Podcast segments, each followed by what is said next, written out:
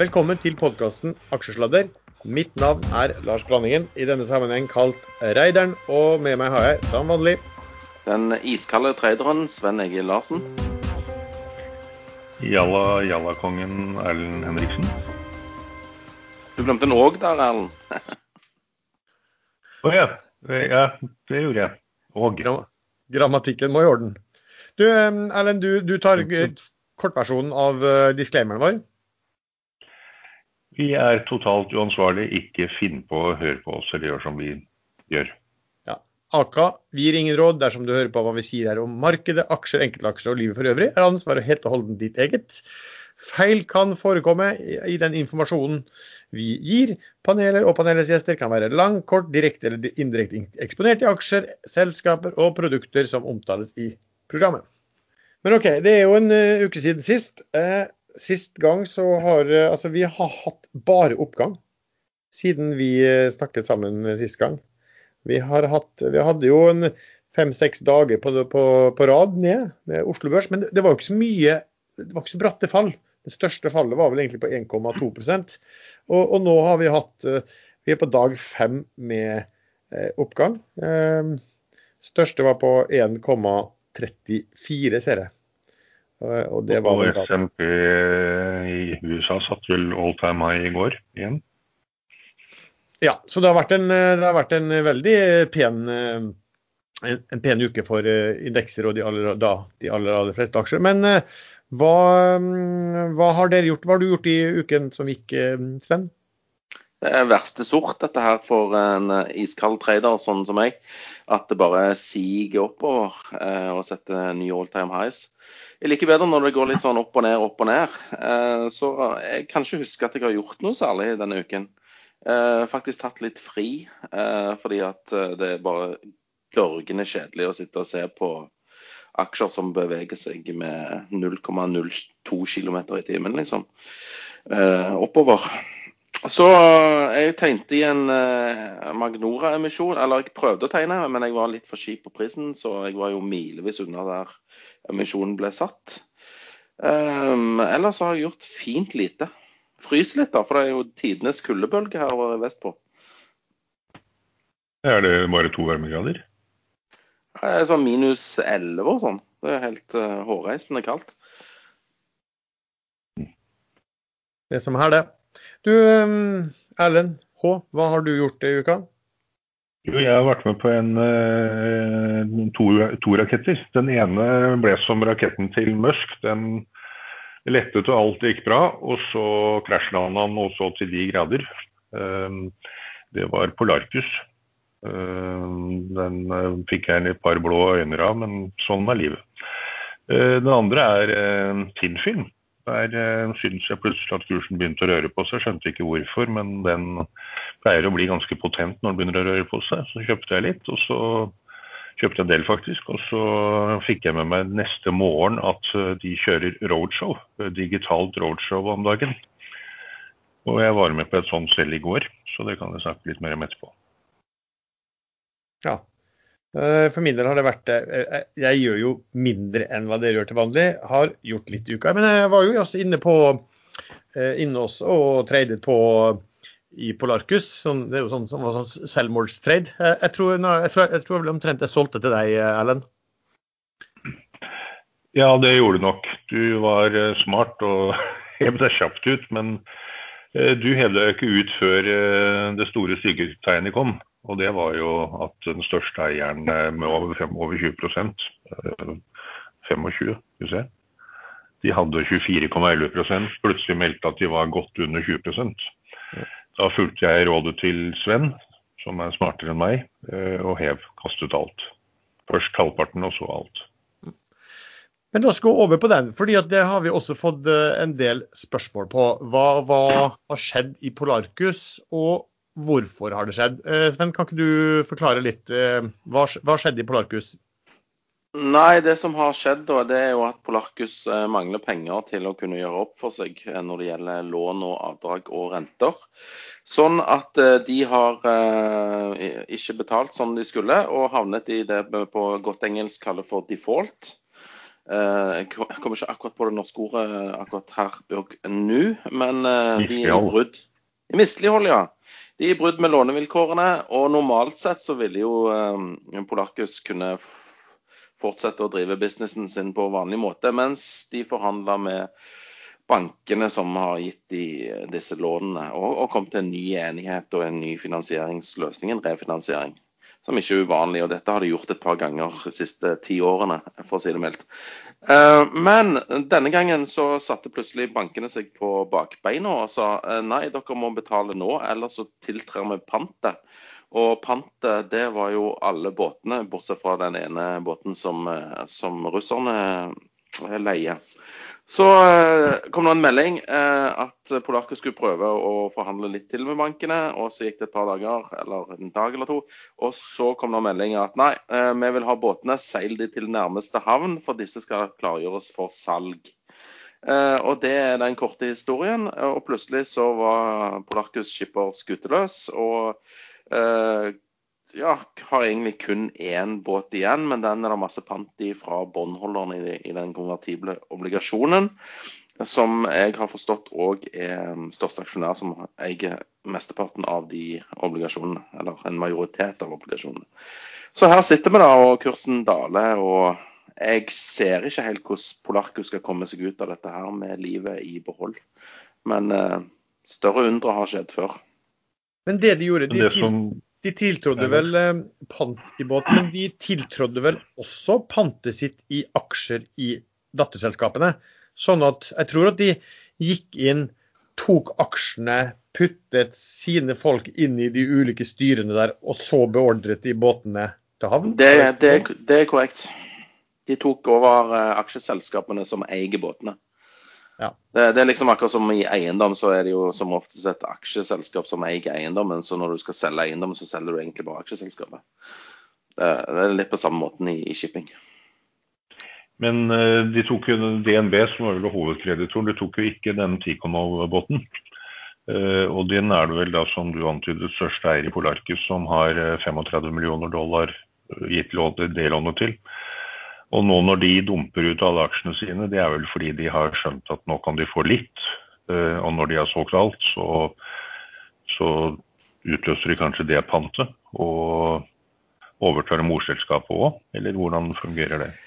Nei, for hvis bankene kommer tilbake, de som eier alle de andre bortsett fra russerbåten, eh, kommer og sier nei, vi skal ha fullt oppgjør eh, for alt, det, og, og morselskapet har garantert, det vet jeg ikke om de har, det har jeg ikke satt meg 100% inn i, men jeg vil tro at eh, morselskapet da sliter, og da vil jo mor gå konkurs.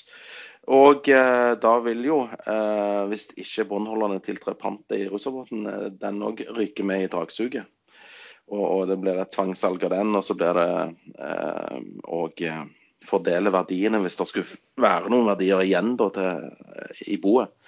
Så jeg tror kanskje de er litt eh, forutseende og, og, og tar og tiltrår pantet i den andre båten.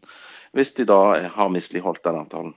Ja. Sånn som jeg kjenner banker rett, så vil jeg være veldig overrasket hvis eh, det ikke ligger mors morgaranti eh, på, eh, på, på, på da lånet til båtene i de ulike datterselskapene. Og litt måten de har skrevet børsmeldingene på, tyder på det. For de har skrevet at de, eh, de at, at lånekonsortiet da ikke har pant direkte i eh, dette selskapet eller den båten eh, som vi snakker om, som ligger igjen, hvor det er obligasjonsgjeld på. Eh, Men de skriver ingenting om at de ikke har krav. De skriver vel om panterett. Så de, de, de skriver ikke noen ting at de ikke har krav mot mor. Så det tror jeg eh, Men jeg prøvde å se i årsregnskapet, eh, og da var jo ikke det oppgitt. Og det er jo dårlig, men, eh, men, men jeg antar at, at de har det. Eh, Men hva, hva skal vi da tenke? Liksom, hvorfor, hvorfor gjør bankene dette, og er det noen spesiell grunn til at de gjør det i Polarkus? Sven? Det kan jo være for å statuere et eksempel, da, at de begynner å bli litt lei av disse oljeserviceselskapene som hele tiden sparker boksen nedover i gaten, som det fritt oversatt fra engelsk eh, heter. Eh, Jeg ser egentlig ikke noen annen grunn. Eh, Eller fordi at noen har lyst til å, rydde opp i bøkene sine når det gjelder offshore-engasjement. Det er jo ikke særlig populært å være eksponert mot olje og oljerelatert heller i disse tider. Det er vel kanskje litt naturlig nå som DNB har fått en ny konsernsjef, at uh, sånne ting endrer seg. Ja, men hun, hun, må jo ha fått med de tre andre bankene. Jeg tror det er fire banker på dette her. Ja, så Det er jo ikke så lett det også når det er flere involvert der. Altså, En, en klar mulighet da, som, som som bankmann, men nå begynner jo det å bli veldig lenge siden, så jeg vet ikke om jeg kan kalle meg det lenger. Men i hvert fall langt tilbake eks-bankmann. Så, så, så, så, kan det være at du kan statuere et eksempel hvis du har veldig mange. Og det er klart at du, det du vet at banken har masse både innen shipping og offshore og rigg og hele den biten her, som bare eh, bare er kicking the can down the road og utsetter og utsetter. Det kan jo være at du tenker at OK, hvis alle disse her spiller på at vi ikke tør, så kanskje vi skal ta en av de. Eh, og på den måten eh, at de skjønner hva som faktisk kan skje. Eh, det er det ene. Men det andre er jo selvfølgelig at altså, Det er litt rart, for Polarcus hadde jo Hvor stor var den ordremassen de hadde på, på, de, på, de, på flåten sin, Sven? Husker du det? Jeg siktet på det for noen dager siden, og den var vel over 100 millioner dollar. så vidt jeg husker. Ja. Så klart, Det dekker jo sikkert driftskostnadene, men i den grad i hvert fall du får litt Eh, at du, at du, får litt inntjening på de oppdragene, så skulle man jo tro at det ville vært til fordel for kreditorene, selv om de tiltrådte å la eh, båtene gjøre, de, gjøre ferdig og gjøre de oppdragene. Men her er det bare gitt beskjed om uh, kjør til land, klargjør for salg, rett og slett. Så jeg tenker at det kan nok godt tyde på at de har en kjøper stående klar også. Ja, og vet du hvem jeg, jeg tror kan være kjøperen? Sharewater? Russere? Nei. Mm, ja, det kan være russere. Eh, det kan det være. Men jeg sikter på de eh, båtene og spesifikasjonene på de båtene.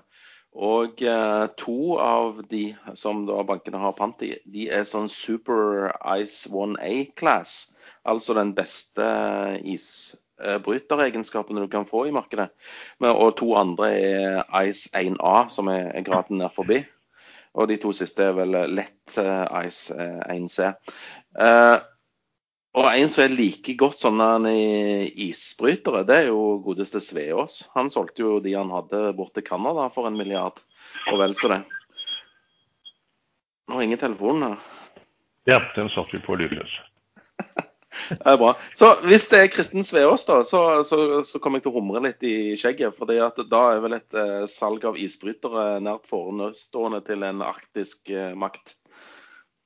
Ja, for, for, de som ikke husker det, så var det jo altså, De gjorde jo Kristen Sveås er jo stor, største aksjonær, dom, helt dominerende, jeg vet ikke om han eier 80-90% av uh, Viking Supply Ships.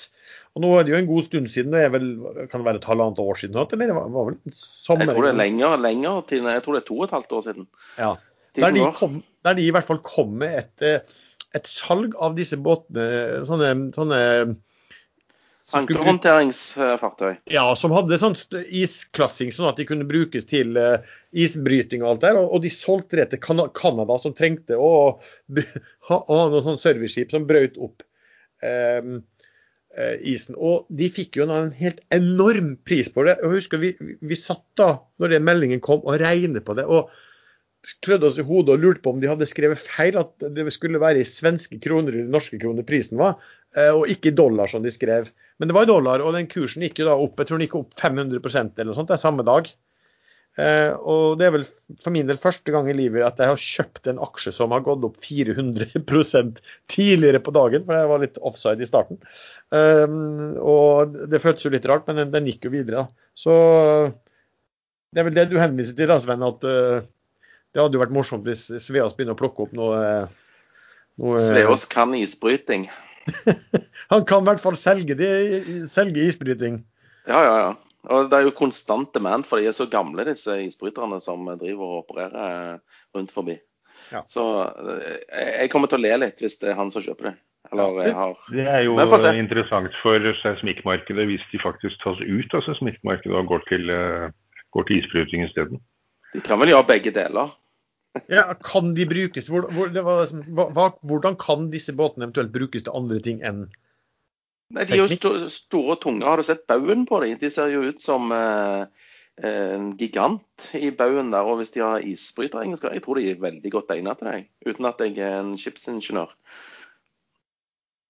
Ja, nei, det er jo, for det er jo spennende.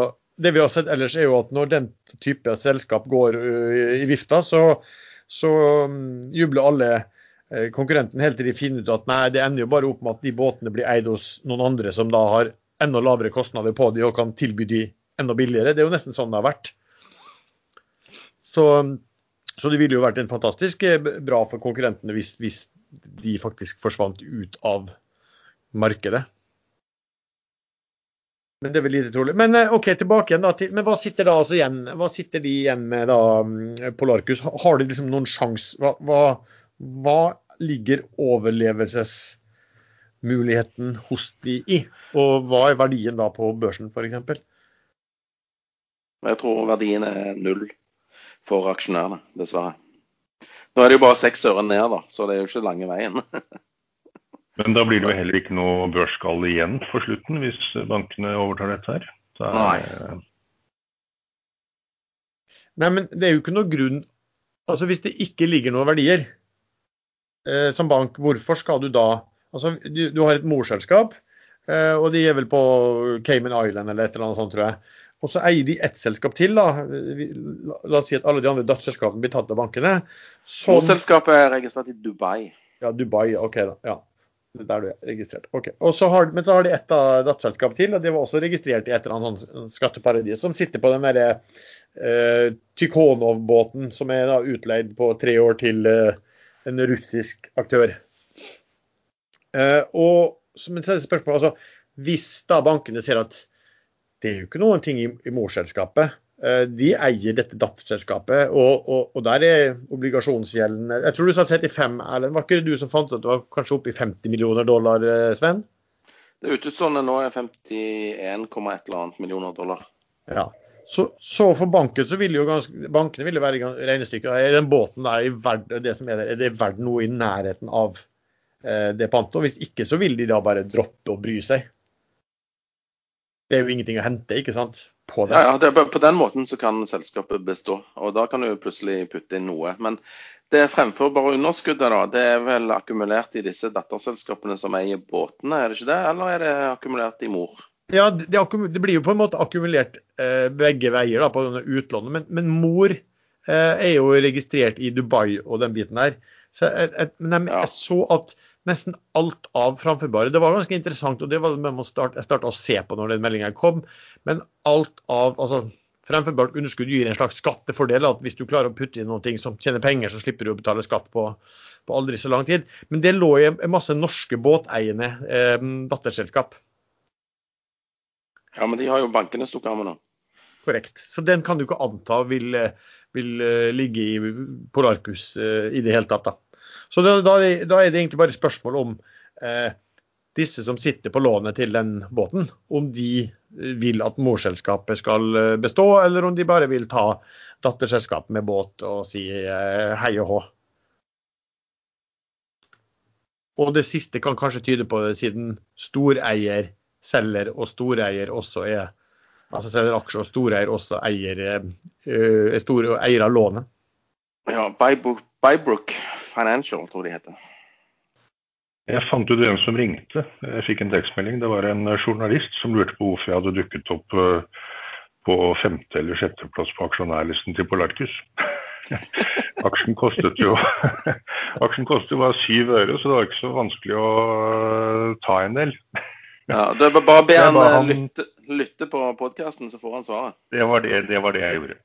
Ja, det var. så får han svare på hvorfor jeg uttalte Dagens sending er sponsa av IG.com. Handler du bull- og bærprodukter i dag, da må du prøve Turbo24 hos IG og få fordeler som døgnåpen handel, tre ganger, fem ganger og ti ganger giring. Og selvfølgelig større innovative plattformer. Oppdag en bedre måte å handle hos IG. Handle Turbo24 og få tilgang til et bredt utvalg av populære markeder som valuta, indekser og råvarer uten kurtasje. Er turbovarenter nytt for deg, men du handler bull- og bærprodukter.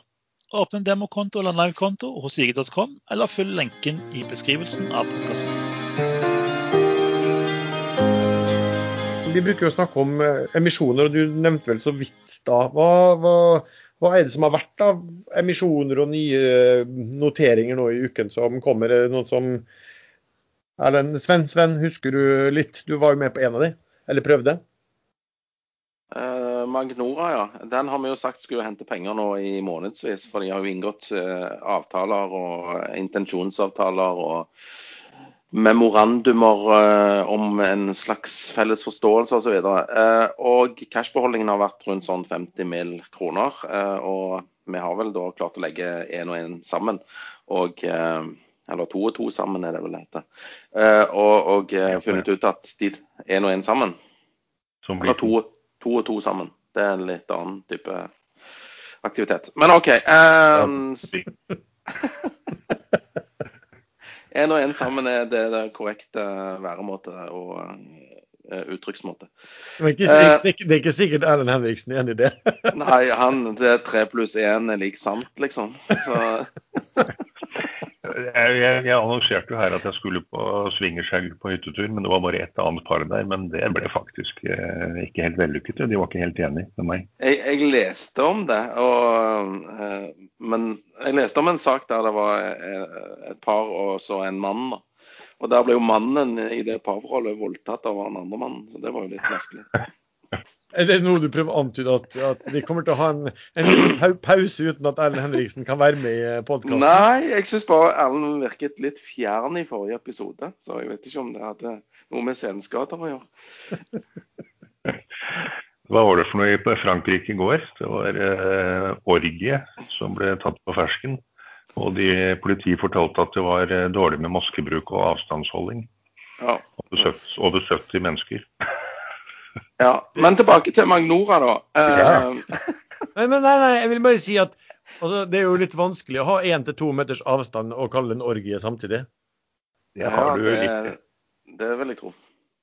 Men OK, Magnora. Du, du kan jo ha en spiseorgie, da. Du trenger ikke å ha sånn sånn som dere tenker på. De som ikke har sett filmen 'Etegilde', eh, gammel fransk film, vi må se den. Det er kanskje ikke fransk, men det er vel fransk miljø det er snakk om. Ja, eh, Obligatorisk for alle nye medlemmer i, i Trondheim swingersklubb, er det ikke det? Ja, det gikk mer på mat, det her. Hvordan? Oh, ja. helt ut fra viddene her nå. Nei, Det er fordi Magnora er ganske kjedelig å snakke om, eh, så da måtte vi finne på noe annet. Nei, Magnora henta penger, da. De eh, eh, sa de skulle hente 80 millioner først. Og så hvis det var stor interesse, så ville de hente 120 millioner. Og så var det stor interesse, og så henta de penger på 26,75. Jeg la meg i boka på 22,5. Blåøyd som jeg var. Eh, jeg trodde liksom at vi skulle få rabatt når vi tegnte aksjer og finansierte opp selskap, men eh, den gang ei. Sveås lot seg utvanne, for han syntes tydeligvis òg det var litt dyrt. Så eh, Sånn går nå dagene. Og nå har de fått påfyll av 120 mill. og Jeg vet ikke hvor mange vindmøller og, og solparker de klarer å sette opp med, med, med, det beløpet, men det er jo en start i hvert fall. Men Magnora hadde vel gått De har vel faste inntekter òg? De har jo noen samarbeid? Ja, men de er ganske små. Men de får 100 og eh, jeg tror det er 16 millioner dollar de får for dette Shell eh, Penguin-prosjektet når den seiler fra skipsverftet nede i Asia. De får et par sånne mile eh, Det står helt stille når det gjelder norske ord. Eh, milepælbetalinger. Ja. Eh, så, så, de får vel en rundt 140 millioner kroner derfra. Så selvfølgelig, det hjelper, det. Det blir fått en vindmølle og to, det òg. Men jeg så at de hadde jo gått da, kursen hadde jo gått da fra ja, knappe 22 til eh, oppimot 27, og, og over det også, rett ja, før emisjonen. Ja, forrige uke, jeg vet ikke om dere husker det, men da var det en liten nedgang eh, på noen dager. Uh, altså litt bratt nedgang. Da kunne du kjøpe Magnora på 20 blank, og det gjorde jeg da. Eh, for det syns jeg da var sånn Det var ikke billig, men det var billigere enn det var dagen før. Men så syns jeg han begynte å bli litt dyr da på 20,5, så da solgte jeg igjen. Jeg lurer på om de ble prisa til i emisjonen da, på en price book, altså verdi ganger verdi i forhold til, til bokførte verdier, på ti-gangeren. Men så klart når de henter inn penger, da, så blir jo det litt annerledes. Så jeg tror etter emisjon så er de priser på en sånn prisbok til eh, ca. 7. Det er vel det samme som eh, eh Aker offshore vind. Bare for å si det, så kan du si at hvis man, hvis man, har en bok, og så tror man at den boken skal klare å gi deg 10% årlig avkastning, hvis du vil betale sju ganger bok, da, så ja, skal du, du ha en sjuendel av det, for å si det sånn. Så, så det er bakt inn noe syke forhåpninger om avkastning eh, på disse eh, vindkraftselskapene der. Eh, I den grad markedet i det hele tatt bryr seg om hva som er forventet avkastning. Men... Jo, men, Lars, hvor, hvor, god er en prisbokindikator på et selskap som er i voldsom vekst, og som har planer, og som, som du sier kommer til å få en 120 millioner kroner, og de har, har vi noen faste inntekter fra et samarbeid i Sverige og litt sånn forskjellig. Så Cloud, som, som har en prisbok på syv, var det vel du sa her om dagen. Nei. Der står det i årsrapporten i halvåret var 2,5 millioner kroner i fjor. Og resultat før skatt ble minus 11,7 millioner kroner. Cloud har, de er på prisbok på 1,5 de ca. 1,6 nå. Mm. Men er det nødvendigvis billig når de har jo minimalinntekter og tap? Men det er litt rart at de skal prises til 1,6 ganger bok, og de andre skal prises til 7, når det faktisk er Cloud som har bygget ut tidligere og gjort ting gjennom mange år, mens de andre er nykommere. Men vi får se. Det kan, kan fort være at det er gode grunner til det. Jeg liker eh, de som tenker, tenker big, think big. Så jeg liker Magnoria. Good. Ja, altså de, de, har jo flinke folk der. Eh, egentlig oljefolk, og mange av de kommer jo fra, eh, fra styret i Panoro, faktisk. Eh, pluss at han Sneve, da, som også var der inne, har tatt, eh, har tatt kontroll på selskapet. Så eh, de har liksom vridd seg, og de var smarte ved at de satt og fikk Hadde egentlig ikke noe særlig drift. De fikk bare inn masse royalty fra tidligere Sevan-oppdrag, og så fant de ut at de da hadde kompetanse, og at de da så en fin mulighet til å begynne å investere innenfor vindkraft. Og markedet har jo sagt, gitt dem full applaus for det. Men eh, jeg må bare innrømme at jeg har en helt personlig grunn til å hause Magnoria opp i skyene. Eh, den gangen det selskapet het Siven, disse bøtte, bøtteriggene som gikk dårlig, da hadde jeg en del aksjer der og solgte alt det etter hvert. Uh, og satt igjen med én aksje. Jeg gjorde det en periode, så satt igjen med én aksje hvor det var lettere i trederen å følge med på kursutviklingen. Pluss at jeg hadde møterett på generalforsamlinger og talerett. Men eh, den aksjen er nå verdt 27 kroner og 50 øre, så hvis Magnoria dobler seg, så kan jeg selge den eh, for tilsvarende kurtasjen. Eh, DNB har jo så dyr kurtasje, 69 kroner per handel, så det må mer, litt mer enn doble seg, så, så kommer jeg ut til null. Men du, du, kunne jo håpe på at de har generalforsamling med, med sånne høye smørbrød òg, da? Ja, det også. Det er, de beste smørbrødene jeg fikk, det var eh, gamle Wentworth Resources, da, som nå heter Venn. Det var jo på Hotell Hotel The Thief med vin til flere tusen kroner flasken. og eh, Det var ikke snakk om smørbrød, det var eh, snitter à la, la Hellstrøm. Eh, vakt til egg og kaviar og ja, Det var moro. Men hvordan kom du deg inn der? Du hadde jo ikke en eneste aksje i Ventvort? Nei, jeg hadde ikke det. Jeg sendte en mail eh, til eh, CEO og sa at jeg var interessert i å vurdere å kjøpe. Og så fikk jeg invitasjon. Men etter du så den hodeløse pengebruken, så regner jeg ikke med at du kjøpte noen aksjer? Nei, nei, gjorde ikke det. Men, Men det var ikke en generalforsamling, det var en presentasjon i toppetasjen på The Thief. Da... Ja, ja, ja, men da var det jo legitime grunner for at du skulle komme og lite visste de at du ikke hadde slått deg opp på Jalla-aksjer eh, ennå. Men de, de, som husker, altså de som, de som er på vår alder, da, husker jo før at før i tiden så brukte det å være en del som hadde generalforsamlinger med ganske eh, bra mat og sånn. Og Kapital hadde jo en egen indeks. De hadde ikke bare price earning på aksjer, men de kom, det var vel en price eat. Altså, og PE, ja. PE.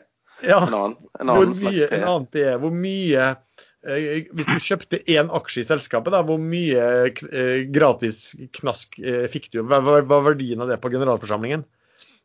Det var vel Kosmos-markedet? Leda. Jo, de hadde fasanmiddag på det hotellet i Sandefjord.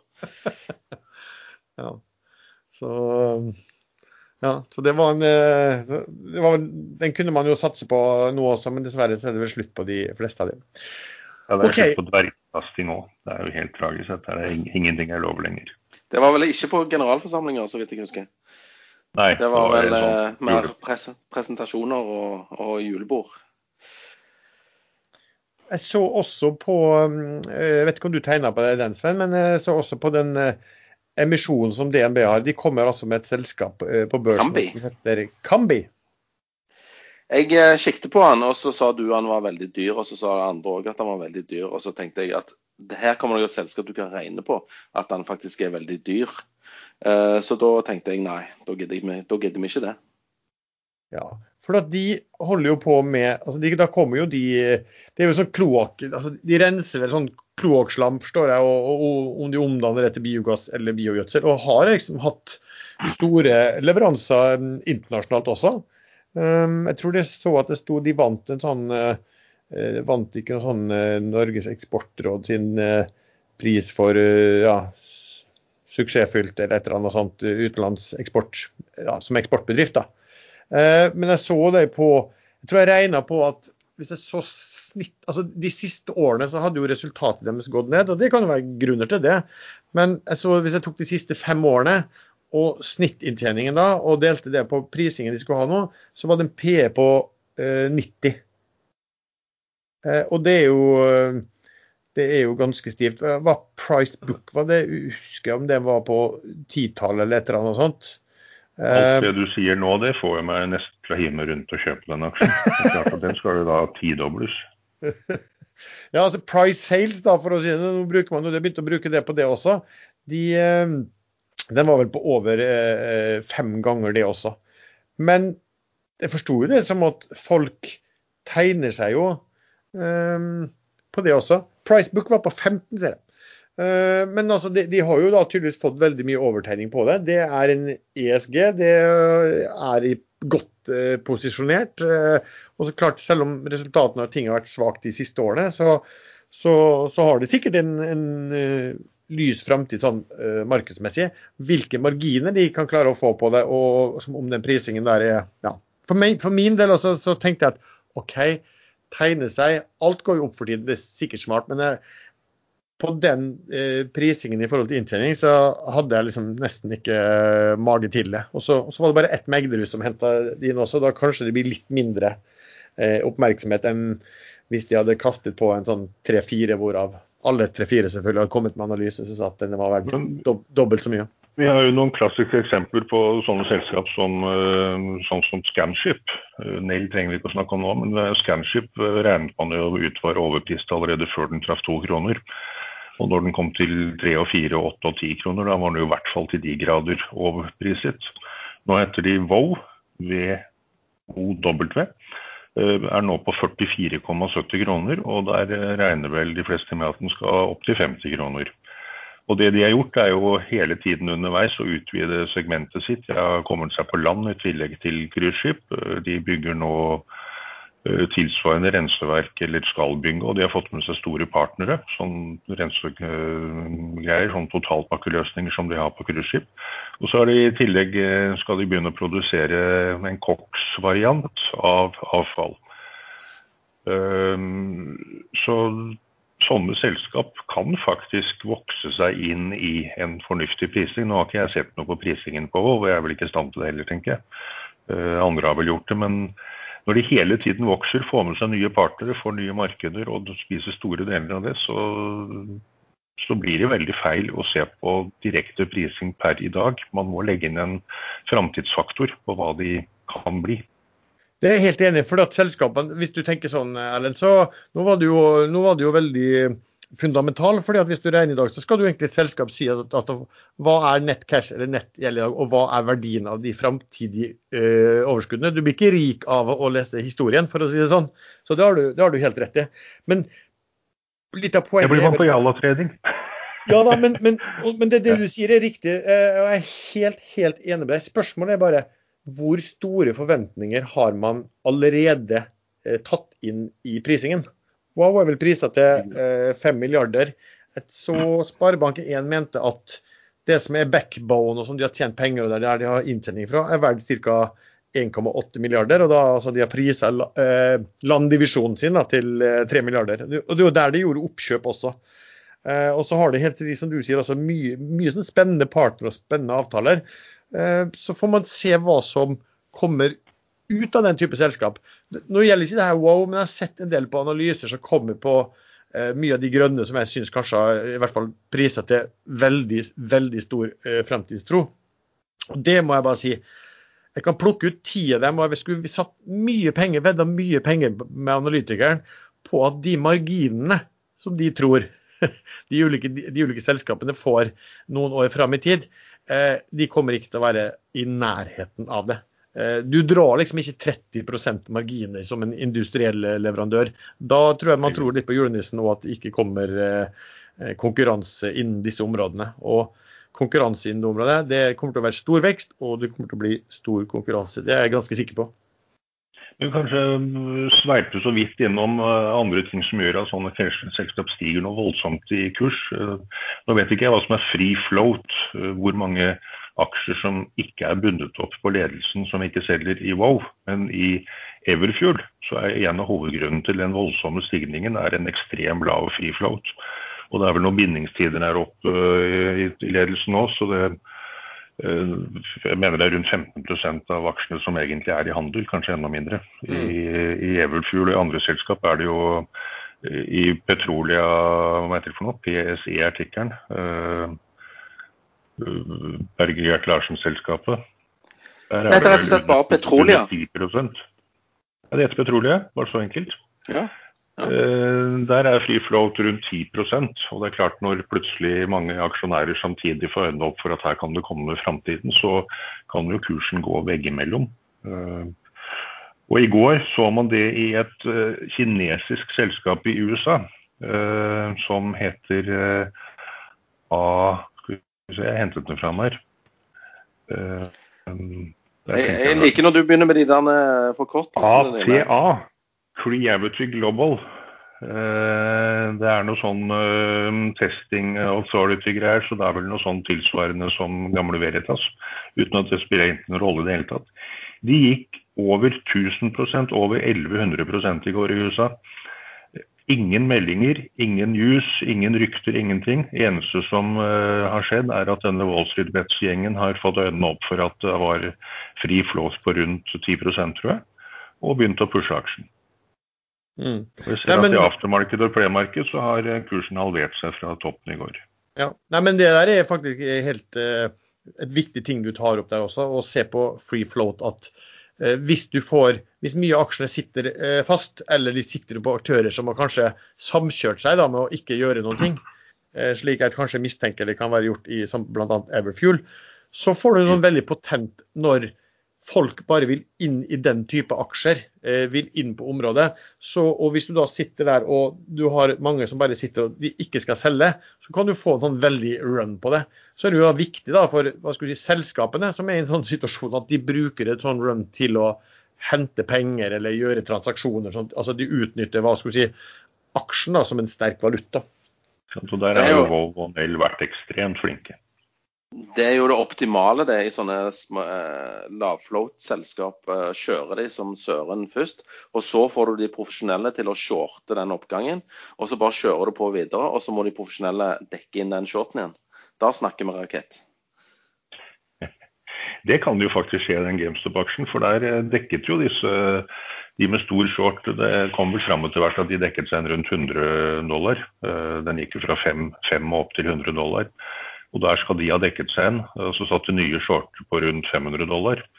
Eh, hvis infoen som de selv kanskje sprer med vilje, er korrekt.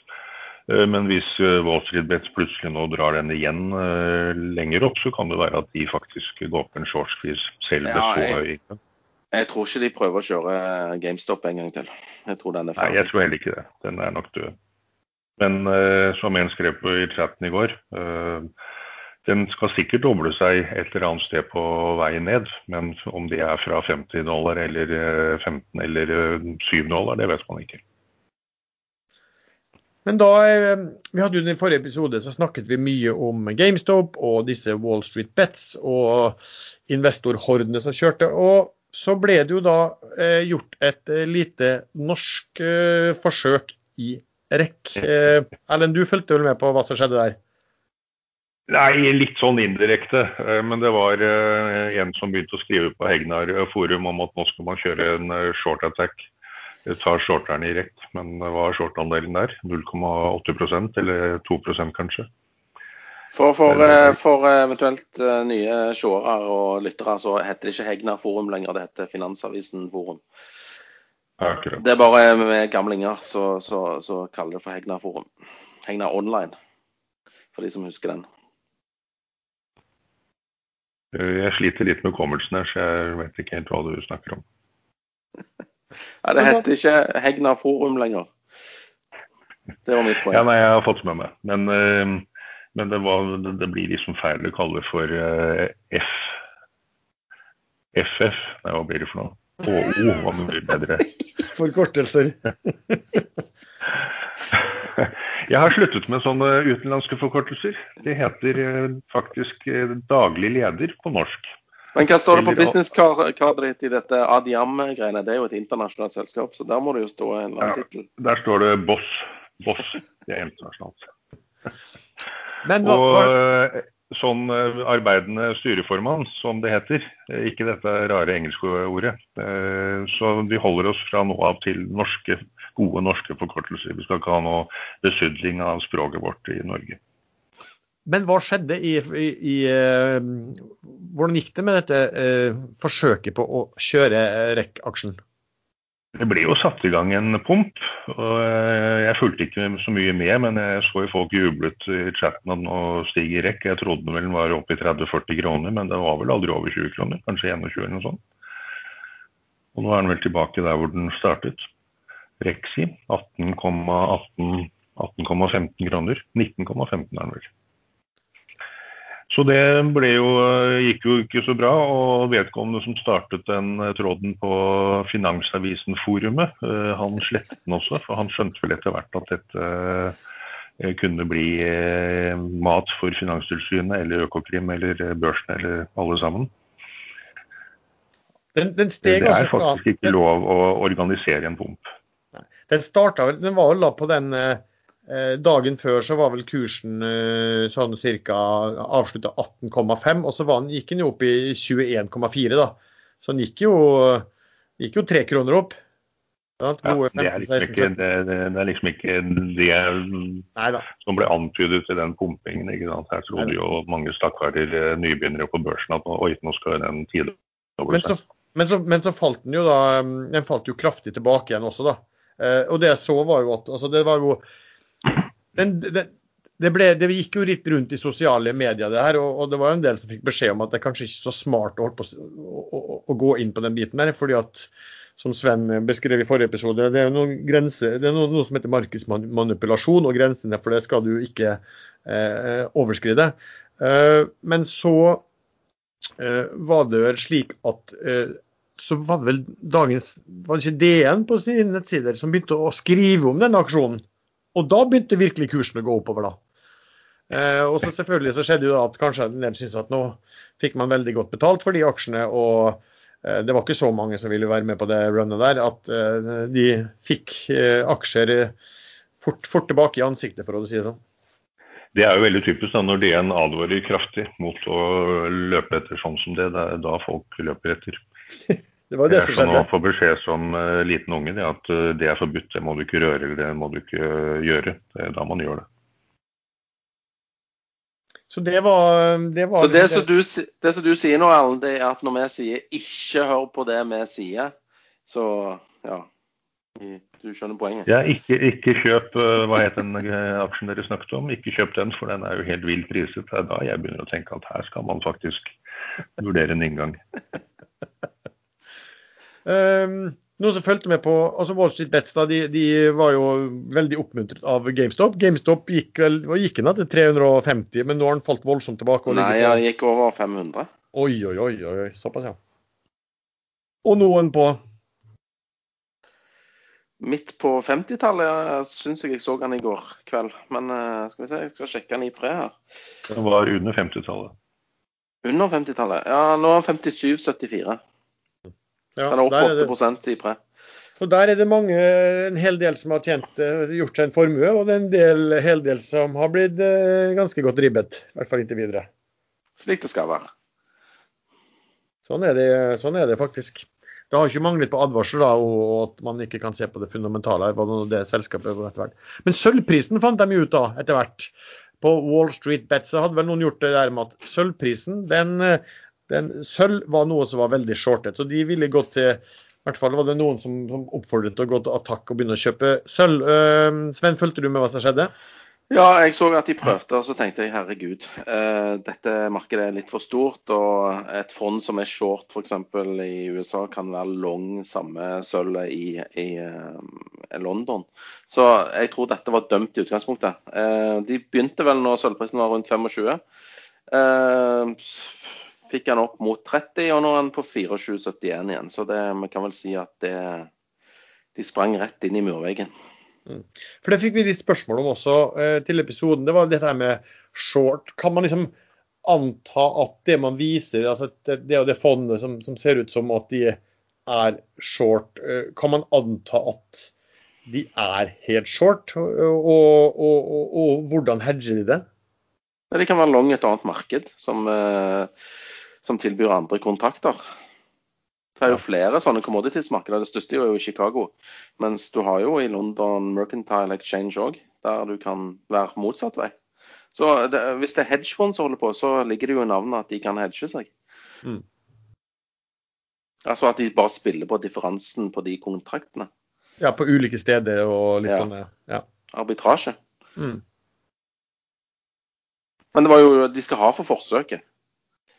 Ja, ja, det, altså, så nå er det sikkert mange som sitter med litt ekstra sølvbarer og sølvbestikk som de da kanskje ikke trenger. Men, og så er det slitsomt å pusse på det òg, ikke minst, når du skal ha gjester og sånn. Så du har kanskje kjøpt sånne sølv, sølvpussaksjer.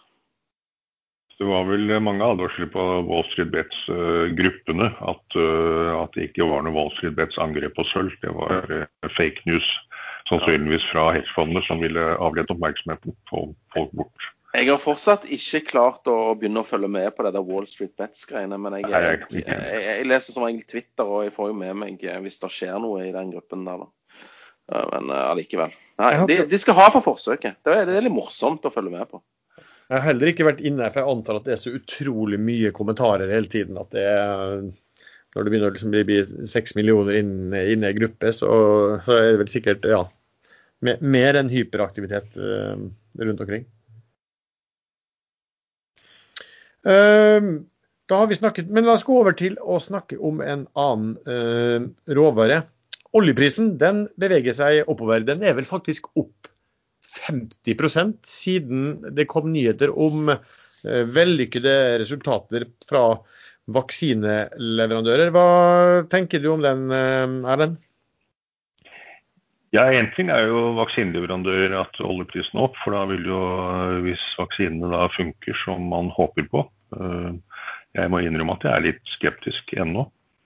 Eh, da vil jo aktiviteten ta seg opp, og så må jo det kombineres med at Biden har blitt president og har stoppet denne Excel-pipelinen fra Canada. Han har også stoppet all ny uh, utdeling av lisenser på statlige områder. Men de som allerede har fått lisenser, de vil jo uh, sånne skiferoljelisenser, de vil jo så vidt jeg har skjønt få lov å fortsette å bore etter dette. Så det er ikke snakk om å stoppe skiferolje i USA. Men det har vært en voldsom decline på eksisterende felt, og det startet jo før Biden ble president. Så, så tilbudet fra USA har falt kraftig. Eh, og vil sannsynligvis fortsette å falle, så jeg en artikkel eh, forklare hvorfor. Eh, Pga. decline. At de klarer ikke å, å opprettholde produksjonen. Og SEC, SIC heter det vel, i USA, de har nå også offisielt SIC, ja. ja de, har, de har nå offisielt gått ut og sagt at de ser på profitabiliteten i hele skiferoljesegmentet, og litt sånn antyder at det aldri har vært uh, intensjon om å tjene penger. Det har vært uh, I hvert fall så har veldig mange av de både små og store visst at de aldri kommer til å tjene penger. Så her har man lurt investorer inn med stadig nye penger i noe som aldri vil bli profitabelt.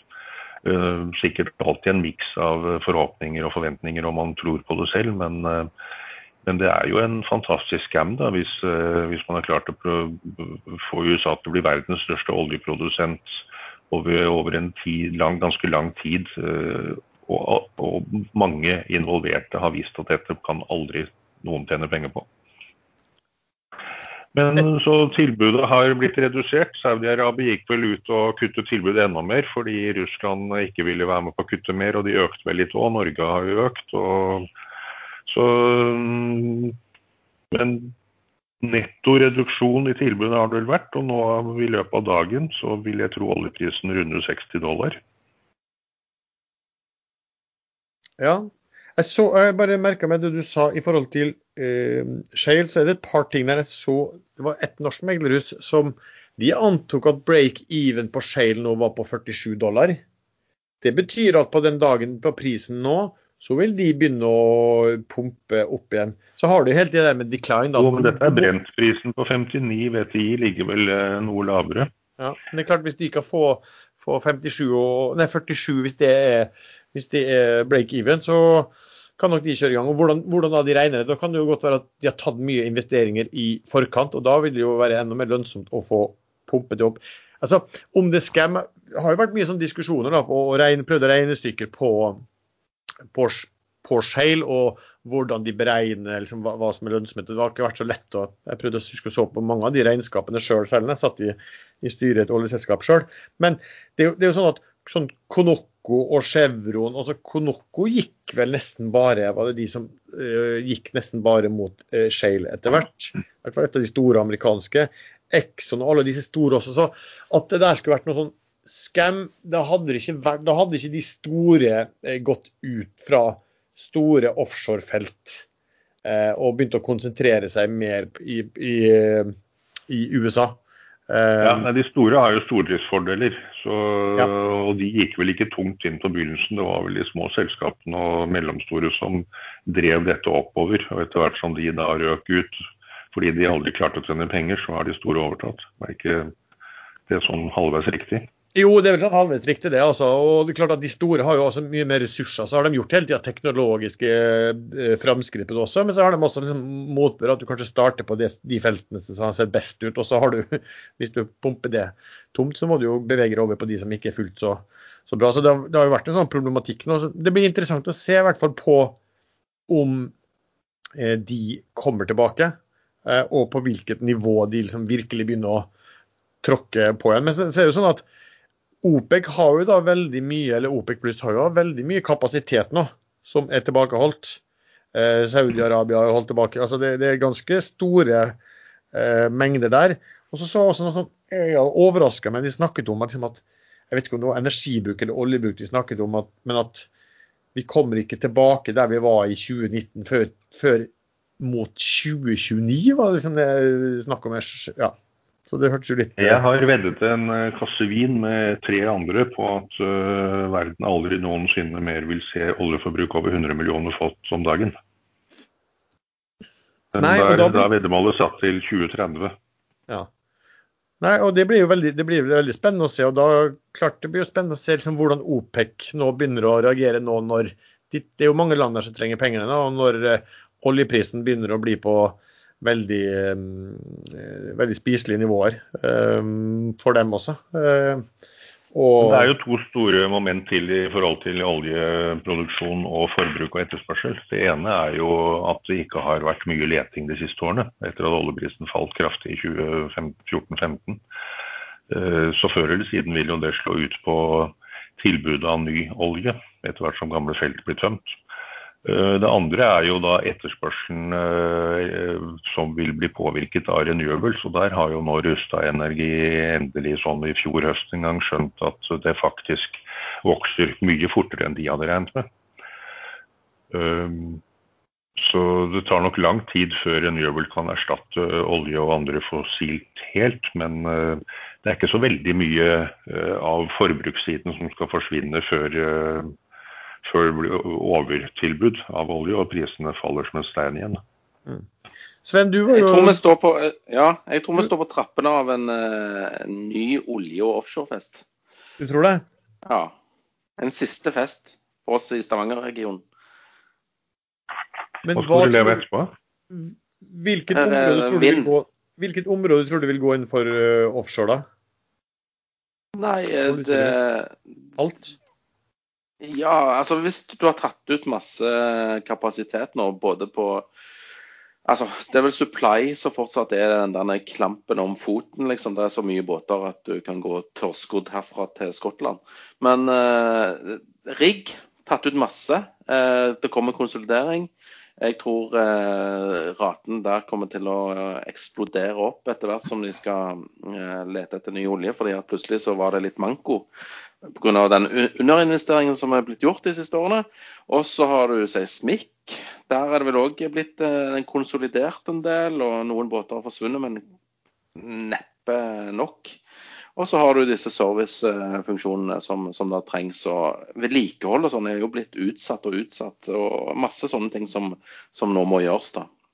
Så jeg tror plutselig så, så får vi et kjempeoljerally pga. den underinvesteringen som er blitt gjort. Selv om det er masse ledig kapasitet igjen i, i OPEC. Men da, får du jo, da trykker du jo bare på shale-knappen i USA, så får, får vi justert det tilbake til, til markedsbalanse før du klarer å si eh, profitabilitet, som noen kaller lønnsomhet på norsk. Så det du mener er at dette er litt sånn liket i kisten som eh, reiser seg opp eh, pga. en siste krampetrekning?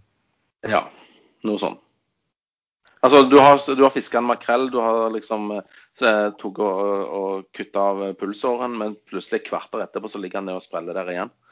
Det, det er den sprellen der vi nå får se. Har du fisket ål, Sven?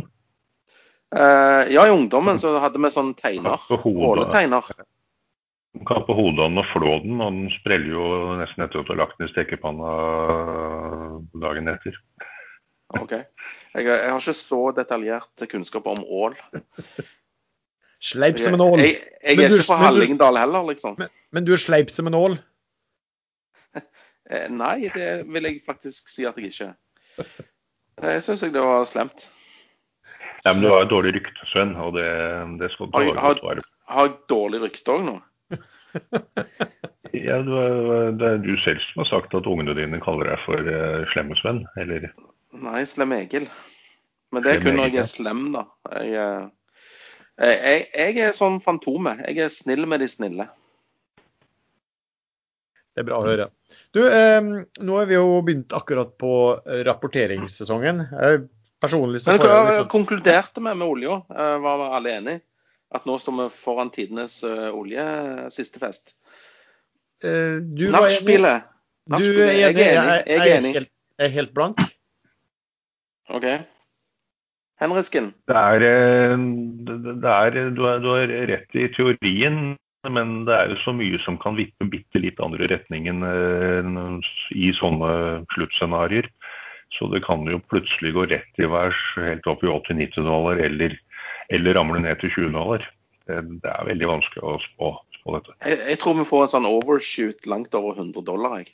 Men så krasjer det ned. Fullt mulig.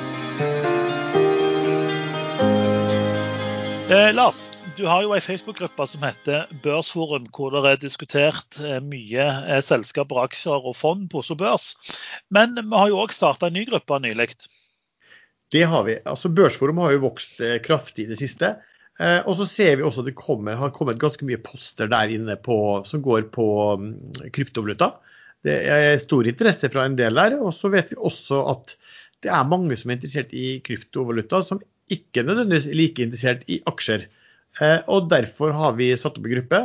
Så har vi sett det at eh, på Facebook og andre steder, så har det vært mye sånn pump and dump og kanskje useriøst eh, eh, skriverier om kryptovaluta. Så vi prøvde å, prøvde å lage en, en gruppe som blir mer eh, seriøs. Og Erlend, eh, i tilknytning til det, du har jo vært savnet på aksjesladder i det siste, men du har jo da et nytt prosjekt da, i tilknytning til dette. Kan du fortelle litt mer om det? Ja, det skal jeg gjøre. Eh, vi kan jo nevne at den gruppa heter Kryptoforum. Så de som ønsker å diskutere kryptovaluta, så er det Kryptoforum som gjelder.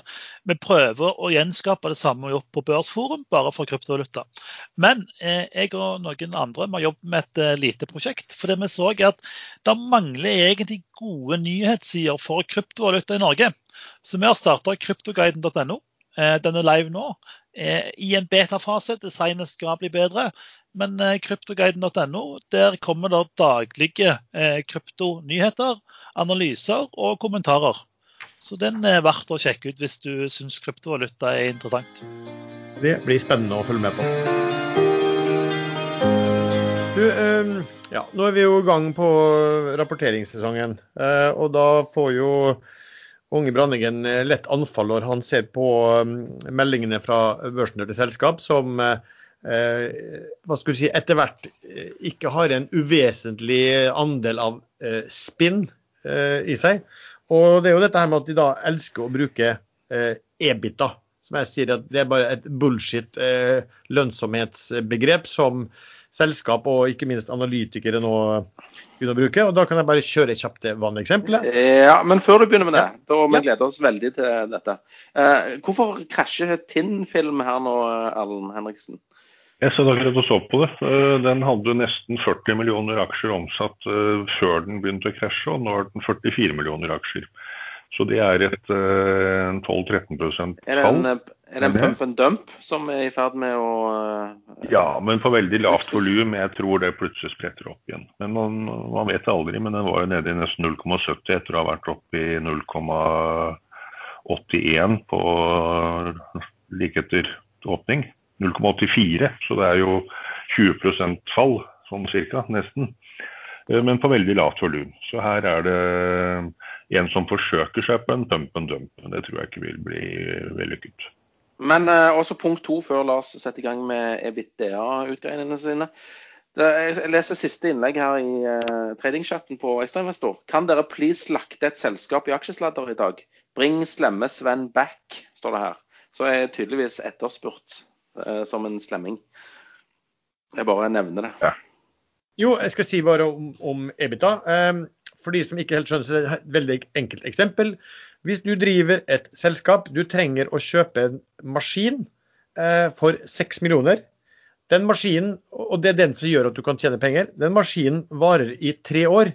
Og du tjener 1 million kroner hvert av de tre årene. Så er det en elendig deal. Du har kjøpt noe for 6 millioner. Det, du får tilbake 3 millioner, og så må du kjøpe en ny maskin igjen. Men, Hva slags maskin er det, dette? Ja, det, En framtidsmaskin. Aha. Eh, hva som helst. Bare et sånn eksempel, Sven. Og da er det sånn at, Men i analysene da, til, altså hvis dette var et børsnotert selskap, så, så, ville de gledesstrålende fortelle at vi har en EBITA på 1 eh, million, og meglerhusene ville bruke at dette selskapet må prises til en multiple på EBITA på så og så mye. Det de altså glemmer å se på da, eller helt bortsett fra, er jo at maskinen blir mindre verdt. ikke sant? Eller at du må, du må fortløpende investere. Så Derfor er det der eh, et litt sånn bull, bullshit-mål. Du må ta med kapitalslitt eller, eller, korrigere for det, enten det er nye investeringer som må gjøres for å holde det ved like. Og så har du finanskost og skatt og bla, bla, bla. Men det også. Eh, men eh, du hadde vel også en sånn take på Ebita, eh, Erlend? Jo, eh, når man har vært eh, samboer eller gift en stund, da er det veldig fordel å bruke EBITDA og ikke, ikke ta bort en T-en.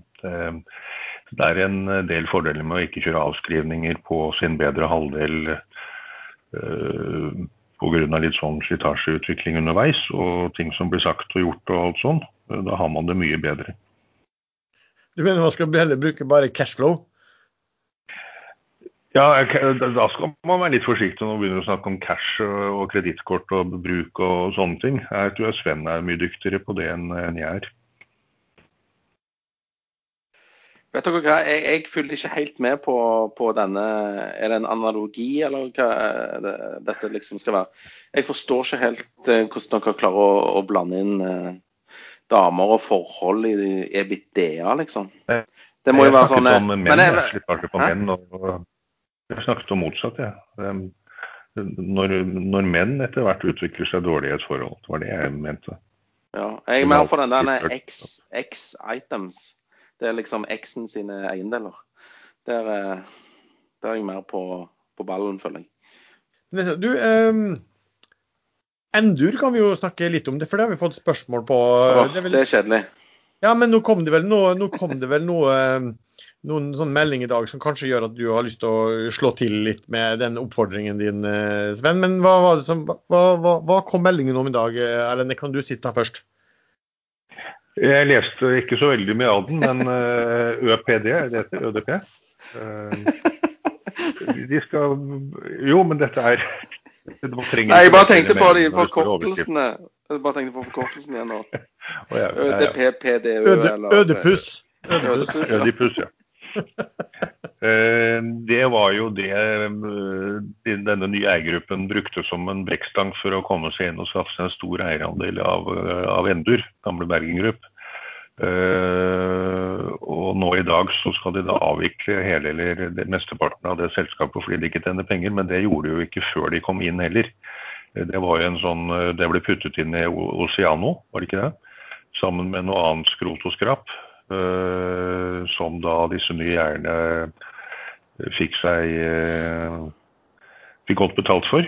Uh, og nå legger de ned det ene etter det andre, og nå satser de da videre kun på nye ting de kjøper inn og, og bygger opp. Og det, det, er jo ikke noe dårlig strategi. Det, men de som advarte mot uh, bl.a. du, Lars og Sven, mot at det som puttes inn i Endur, det er søppel, det har jo fått til de grader rett i det.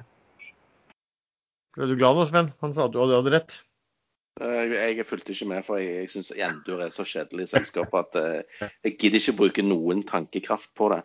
Jeg ser de kommer med melding. Altså, eh, aksje med meldinger per dag, liksom, så er vel Endur en av de som har skåra best de siste tolv månedene.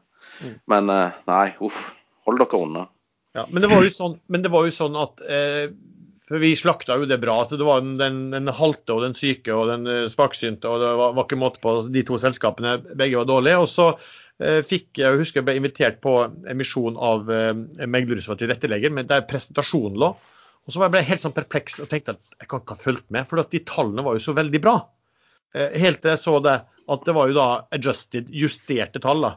Så jeg tror til og med det som gikk konk nå, så vel bra ut da. Eh, fordi at du hadde justert tallene. Så, men eh, i virkelighetens verden så var det to skittige selskap. Men så kan man si det da, rettferdig. Har, nå har de gjort det de skulle gjøre. altså De skulle bruke det som motor og kjøpe masse selskap. Og de har da kjøpt selskap som vel i omsetning og alt der, vide overstiger hva det opprinnelig var, og, og, som også ser lønnsom ut. Og ser man på tallene som de har betalt for det, så ser ikke det så gærent ut heller. Så det kan godt være at de klarer å omvandle Endur til å bli et bra eh, industrielt eh, konsern. Men, men eh, startpunktet, eh, det besto av crap. Det er et godt sammendrag, men akkurat nå sitter jeg med følelsen at Endur kan bli bra. men Eh, de må ha penger. Eh, nå ligger vel kursen rundt 1,30, i hvert fall gjorde den det i dag tidlig. Eh, du ser, 1,30 akkurat, ja. Grunnen til at den ikke stiger på det som burde oppfattes som positive nyheter, er jo fordi de fleste skjønner at de nå skal ha penger, og de har det vel sagt direkte, halvdirekte, indirekte. Da det, da det kommer melding om det siste eller nest siste oppkjøpet. Så da spørs det hvor kursen settes. Eh, nå er den på 1,30, da klarer de vel å sette den på 1,20 kanskje, som var det laveste forrige emisjonen. Eh, men selv velger jeg å avvente. Det pleier sjelden å haste med å komme seg inn i sånne selskap. Kursene faller gjerne under emisjonsprisen en periode.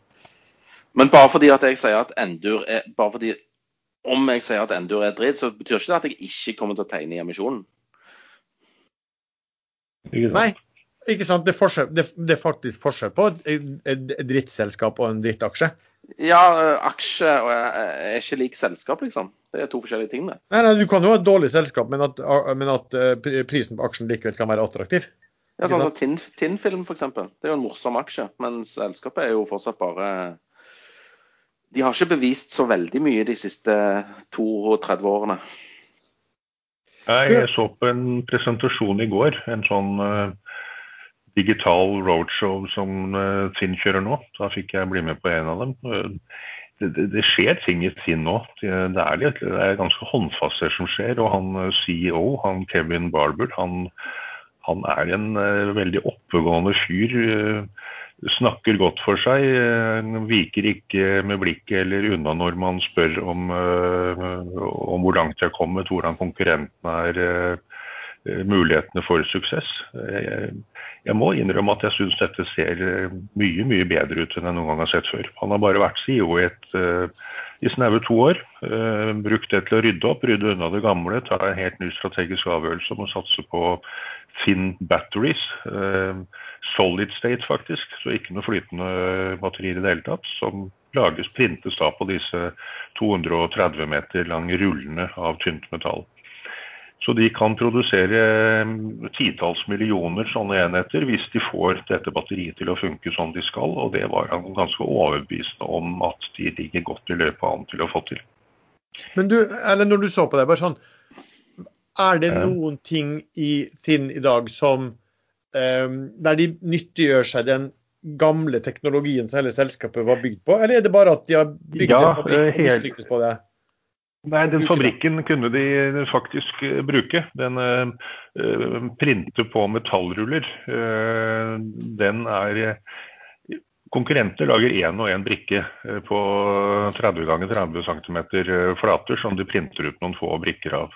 Sin Film har ruller på noen meters bredde og 230 meters lengde, så de kan produsere en voldsom hastighet, veldig mange veldig store volum, og det er det ingen av dagens nye konkurrenter som er i nærheten av. Det er et selskap i UK som prises til multipler mange ganger sin film, som kun har produksjonskapasitet på noen tusen sånne i året. Og de har heller ingen planer om å øke produksjonskapasiteten. Så det, hvis Finn Film får til dette og det skal, sa Kevin Barber, som da er daglig leder i Finn Film, han sa i går at allerede i Q3 i år så skal de sette i gang produksjonen, og i Q4 skal de skippe og få sine første inntekter. Og i 2022 skal de være cash-positive. Dette har man hørt mange ganger i mange mange år fra Tinnfilm. Film. nå har jeg faktisk begynt å få litt troen på at dette faktisk kan funke. Men når du beskriver disse produksjonsfasilitetene til eh, Tinnfilm, eh, og at de kan trykke masse på lange ruller, Hvorfor har de ikke da begynt med å trykke penger? på metallruller? Jo. Nei, nei, de kunne jo brukt papirruller. Det jeg tror uh, man burde overlate til enten uh, Fed eller mafiakretser i Japan og Kina å trykke US-dollar. Ja, men hvis du ser, på, ser i UK, da, så f.eks. de fempundseddelen, den er jo lagd av plastikk. Du kunne jo bare trykke så faen av uh, sånne fempundsedler i sånn tynn plastikkfilm. Ja, så, nå, nå, nå, tror jeg du er neste episode så er det ikke sikkert at vi får snakke med deg lenger, for du skal inn til noe avhør og noe greier. Eh, men, men... Nei, jeg bare syns ja, de burde tatt penger. Jeg er litt, imponert, jeg er litt imponert ja. over at de faktisk har, eh, istedenfor å selge unna til skrotpris eh, fabrikker eh, og produksjonsutstyret, så har de faktisk klart å finne noe som det ser ut som at det går an å produsere. i Helt annet segment. Det, det som var case, var jo at ingen ville kjøpe det, ikke sant? For noe i nærheten av, nei, i noe av nærheten det, det de ville selge for. Og så, har de fått funnet opp et eller annet annet. Hva annet kan vi trykke på sånne lange ruller? Bortsett fra penger, som da er ulovlig. Det var det første som slo meg også, at her har de bare satt i gang en, en eh, noe nytt som de kan fortelle i de neste 15 årene at dette kommer til å bli bra. Eh, men jeg begynner å tro at det er en viss mulighet for at de faktisk får det til. Jeg gir dem ut året. Klarer de ikke å oppfylle milepælene sine ut året, så, så, kommer jeg til å behandle det som en sånn tradingaksje som man kjøper når den har falt mye, og selger når den har steget litt. Steget de holder i hvert fall ut den perioden der de kan eh, innløse warrants. For da, da får de jo finansiering, eh, og den er vel ut året. Så de, de, de, kommer nok til å holde det koken gående, sånn at eh, warrants blir innløst. Men jeg har en liten følelse at vi kommer til å sette en emisjon nå. Eh, det er jo ofte der som man kjører roadshow for å få kursen litt opp og aksjonærer interessert, og så setter en liten emisjon. Det, Ja, Er du sikker på det? Er du sikker på at det ikke står noe i uh, dette? her? Fordi at det kommer nye warrants nå uh, som kan innløses mellom 1.4 og 30.6, er det vel? Det er mulig de ikke har lov eller kan. Men de har hatt pengebehov før som har blitt løst ved at uh, Mr. Robert Keat har gitt dem et sånn brolån. Uh, så det, det, det, det klarer de sikkert å få til. Men ja, masse røde flagg i sin, spesielt historikken og spesielt rundt uh, størsteeier Robert Keat. Uh, men eldre menn pleier ofte å bli litt snille, også, sånn som Røkke og Fredriksen og sånn, skal gi litt tilbake og har liksom gjort nok feil i livet sitt. Så kanskje. Jeg tror, jeg tror ikke vi er helt der ennå. Men det, det vi kan si er at om han Keith, er jo at han har jo altså det har ikke bare vært noe sånn drømmeslott. Altså, det har jo vært forsøk, og ganske langvarige forsøk også på å gjøre ting i selskapet han har vært eh, involvert i.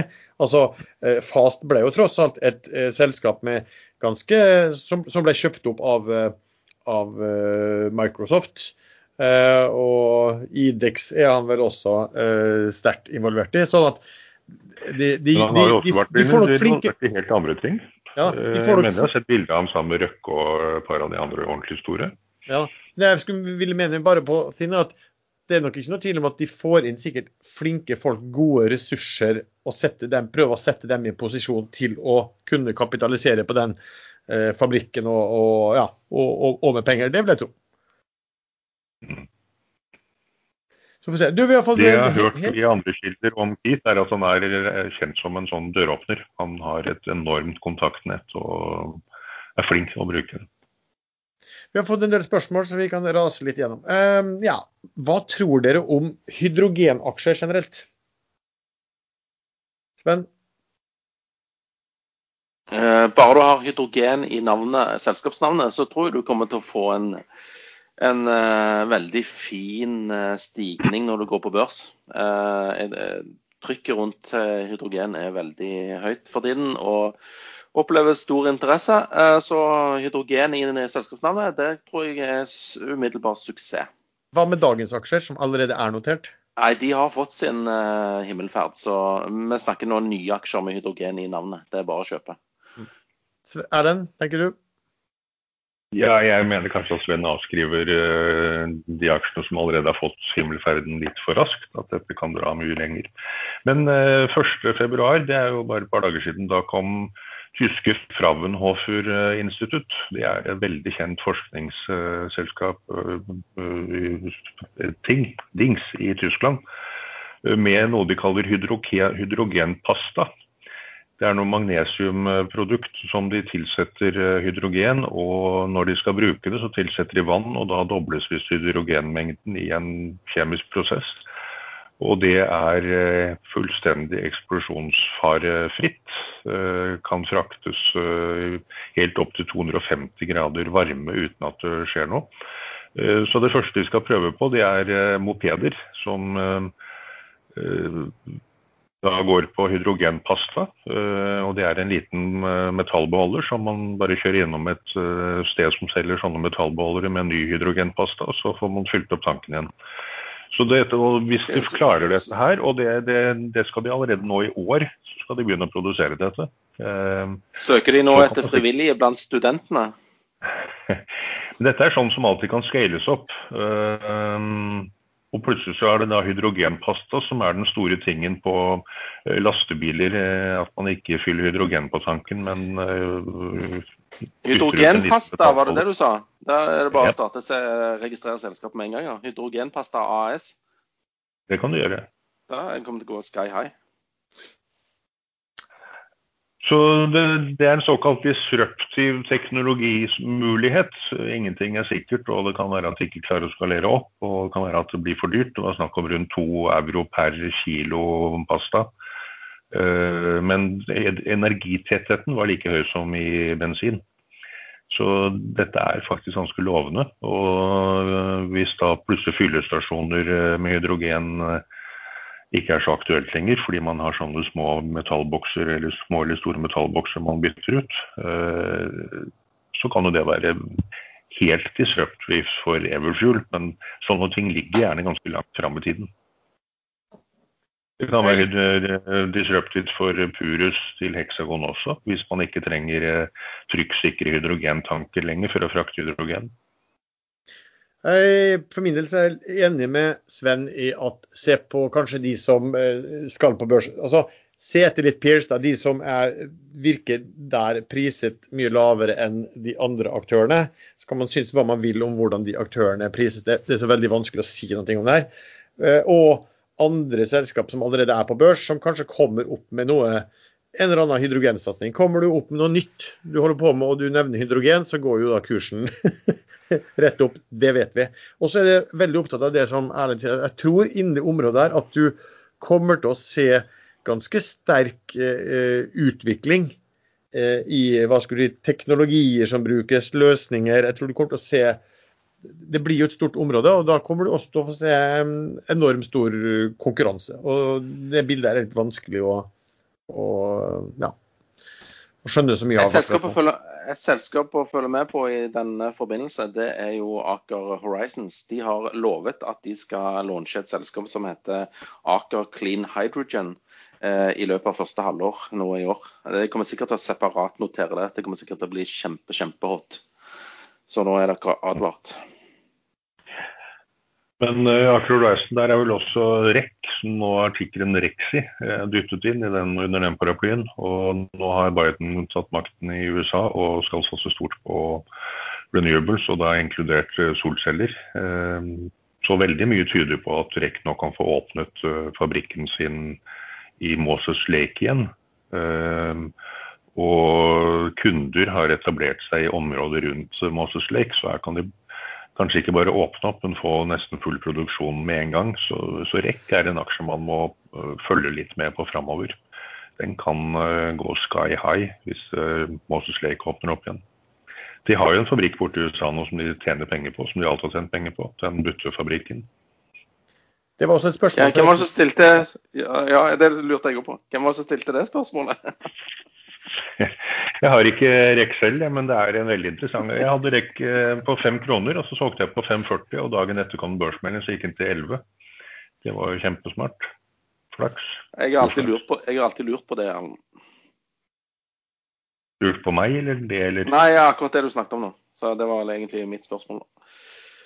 Ja. Ja, ja. Ja, var, det er bare det at vi var inne i det der spørsmål- og svarsegmentet. Mm. Det Det var var du. som stilte det intelligente spørsmålet. Nei, det Du, eh. Sven, et, spørs et spørsmål som du eh, sikkert er bra på å svare. Eh, bare forklar fort hva er en eh, ETF, Electronic Tradable Funds, og, og, og hvordan fungerer det? Electronic Tradable Funds. Det var ikke det det står for. Nå syns jeg ikke du har gjort hjemmeleksa di, Lars. ETF-en. Exchange Traded Fund. Ja, ja, ja, ja, selvfølgelig. Ja, Ja. Der ser man. Det er flere Ja, som det- eh, Gamlinger og forkortelser. Ja, og demens og hele biten. Jeg trodde det var et eller annet med Erlends trading et eller annet. Ja. Erlends Trading filosofi.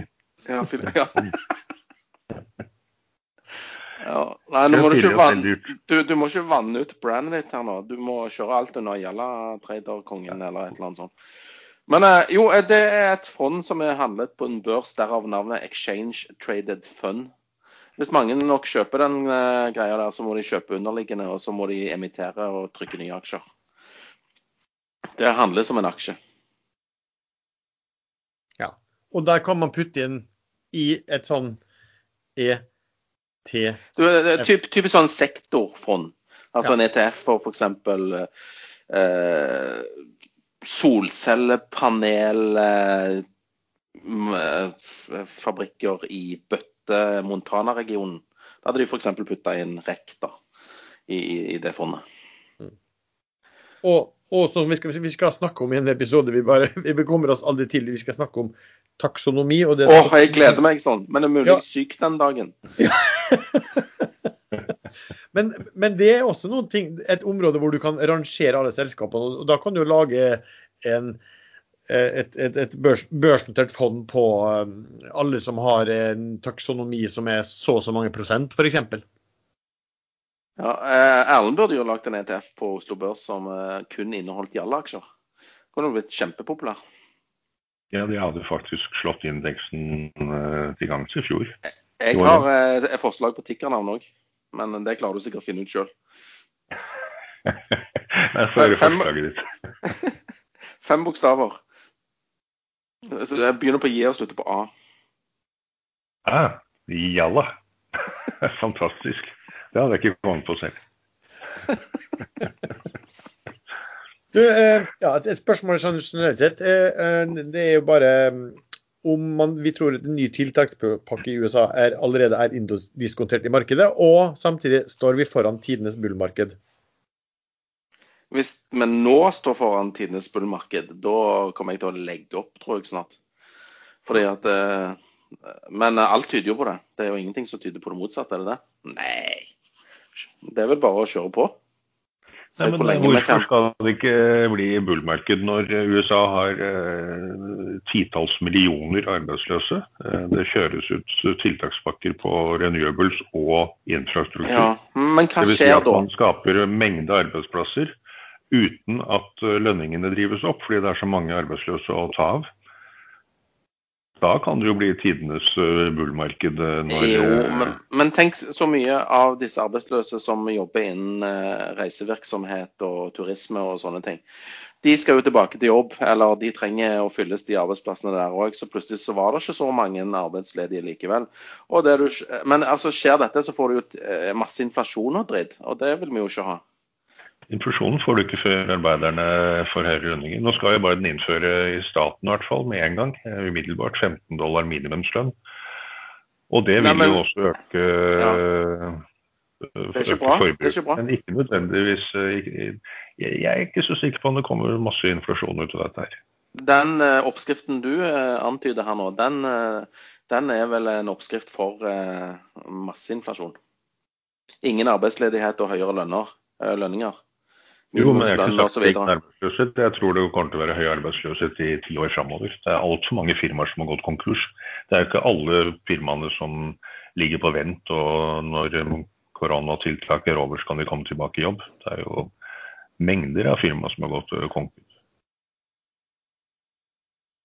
Men dette mm, dette tror jeg vi bare må se hvordan det utvikler seg. Men jeg mener at det er en stor sannsynlighet for at her kan økonomien boome i USA med sånne tiltakspakker, uten at det medfører inflasjon.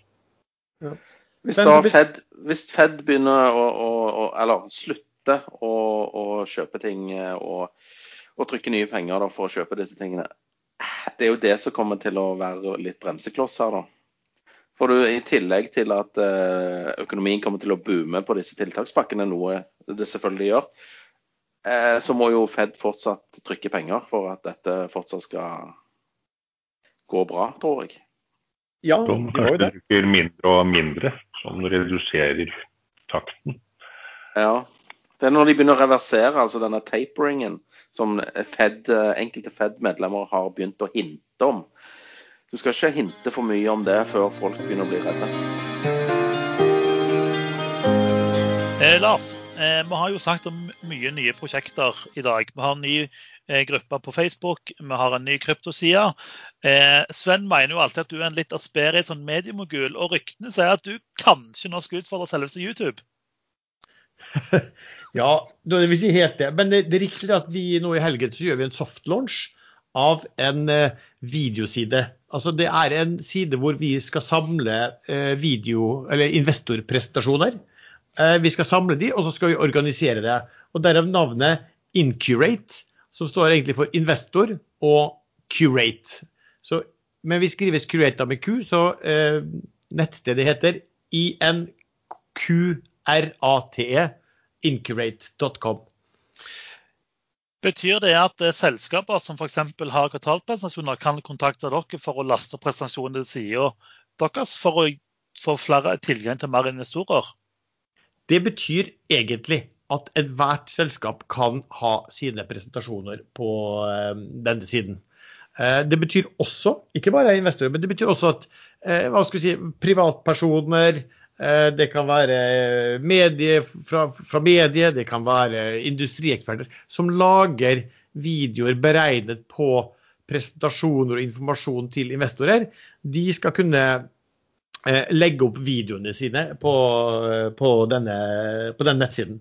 Eh, det her kom jo litt fra at vi hadde sendinger for børsnoterte selskap, og så så vi litt rundt hva eh, hvem er det som har eh, sendinger i dag, gjør webcast f.eks. Og det var veldig vanskelig. Vi måtte lete veldig mye rundt på hvert enkelt selskap. Har de sånne? Har de ikke det? Hvor finner vi det på nettsiden? Og da fant vi ut la oss samle alt det på én nettside. Så du kan f.eks. tenke deg at nå, nå er vi inne i rapporteringssesongen, og det er da seks ulike selskaper som har sendinger på morgenen. Da er det jo vanskelig å forholde seg til hvor finnes dette her, lete i gamle børsmeldinger. Men hvis du da kan gå på ett nettsted og bare hoppe fra sending til sending der inne, så vil jo det gjøre det hele mye enklere. Både for at selskapene blir mer sett, og det blir lettere for investorene å, å finne det.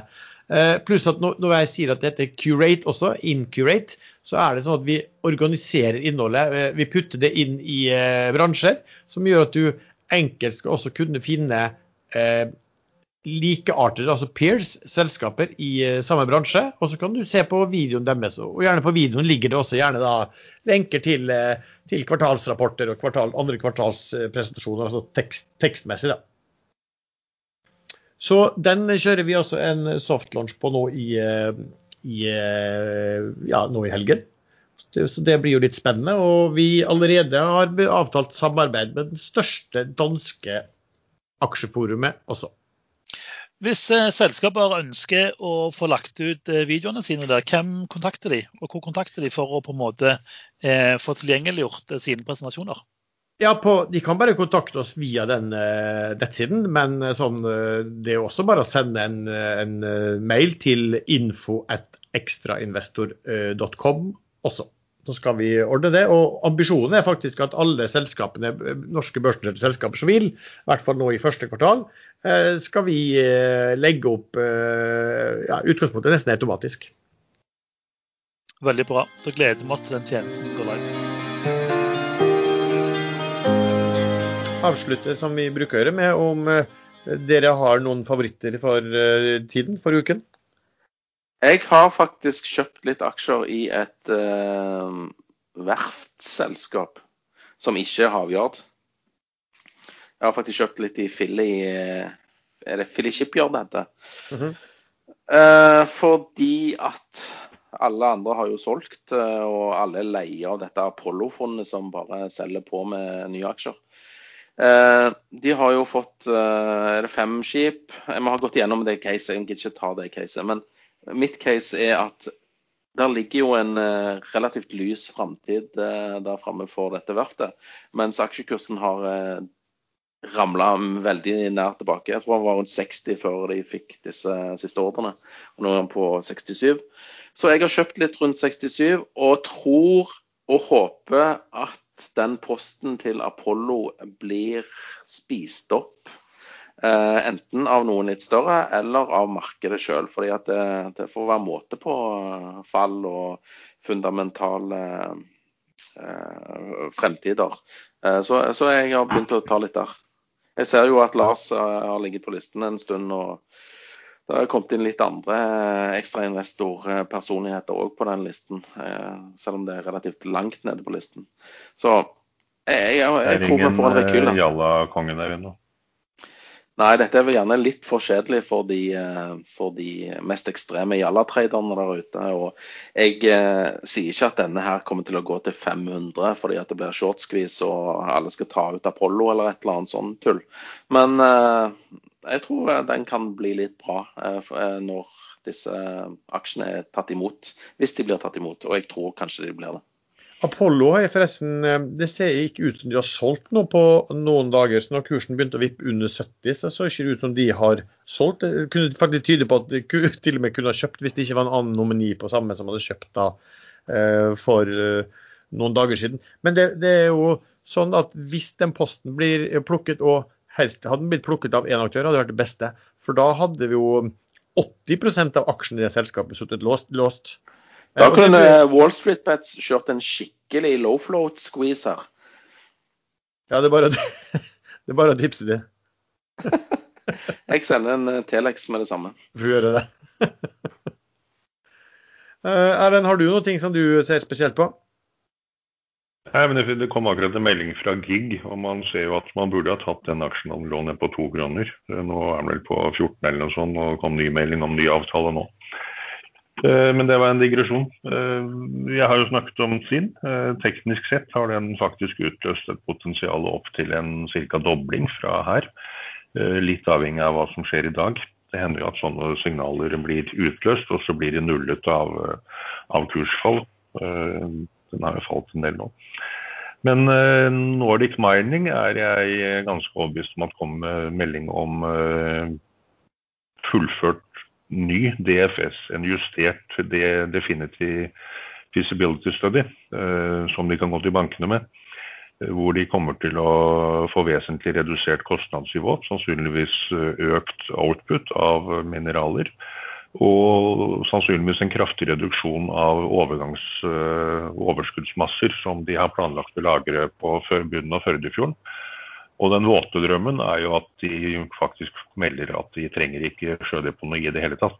Det hadde vært helt fantastisk. Da, da åpner det opp mange finansieringskilder som er stengt i dag, fordi banker og andre som finansierer sånn, ikke tør å finansiere noe som anses som veldig brunt og skittent. Og det, det gjør et sjødeponi, selv om argumentasjonene fra det er veldig farlig, det er litt tullete. Det, det har jeg snakket om før. Det, så det kan bli veldig bra. Og så er det jo havbunnmineralene som uh, indirekte pushes fordi SPX kjører hardt på dette her. Og, og jeg fikk faktisk veldig godt inntrykk av SPX eh, CEO og planene de har om havbunnmineraler uh, da de hadde presentasjon på Ekstrainvestor. Han snakket godt for seg.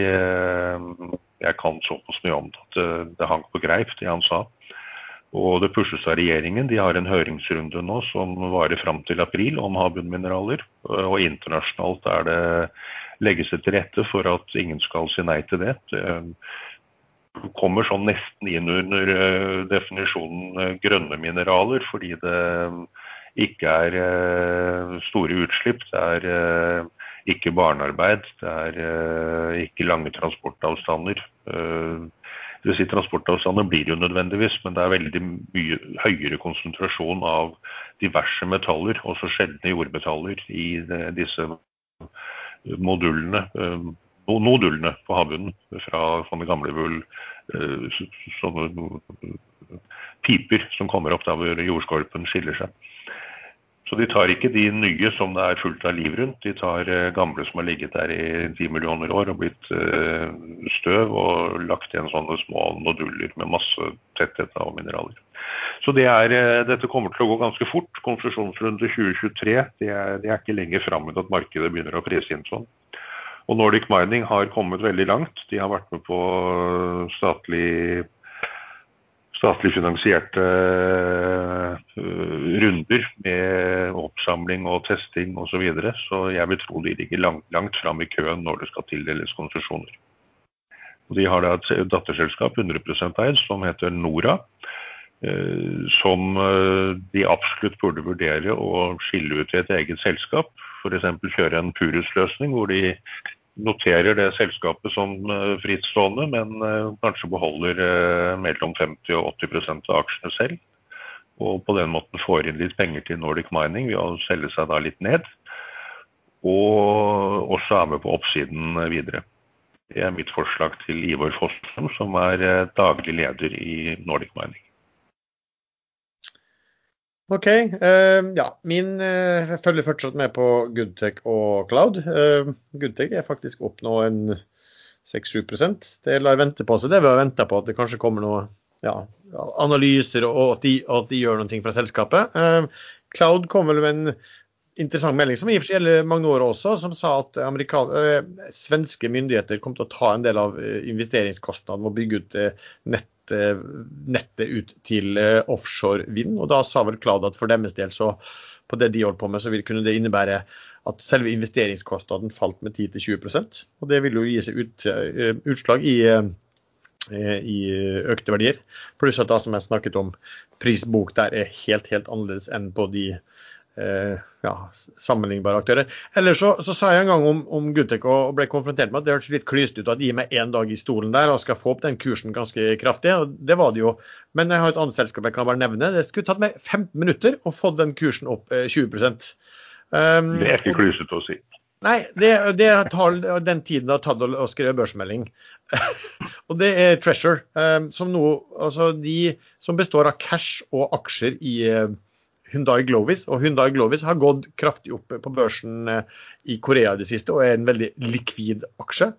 Um, og der er jo også Hyundai nå involvert, uh, som det sies, i samarbeid med Apple om å lage bil. Og det mener at Hyundai Glovis er vel en av de som da man antar kommer til å få økte oppdrag. Men altså eh, Vi snakker om investeringsselskap og børsen og Aker og alt der som kanskje har ligget på sånn 10-15% rabatt. Her ligger det 40 rabatt, og, det, og det, rabatten er på cash og på fortrinnsvis eh, Hyundai Glovis-aksjer. Eh, Så eh, den rabatten er jo, er jo bare helt eh, ellevill. Eh, sier kanskje litt om tilliten til Wilhelmsen-systemet og de, eh, hvordan de skal håndtere penger.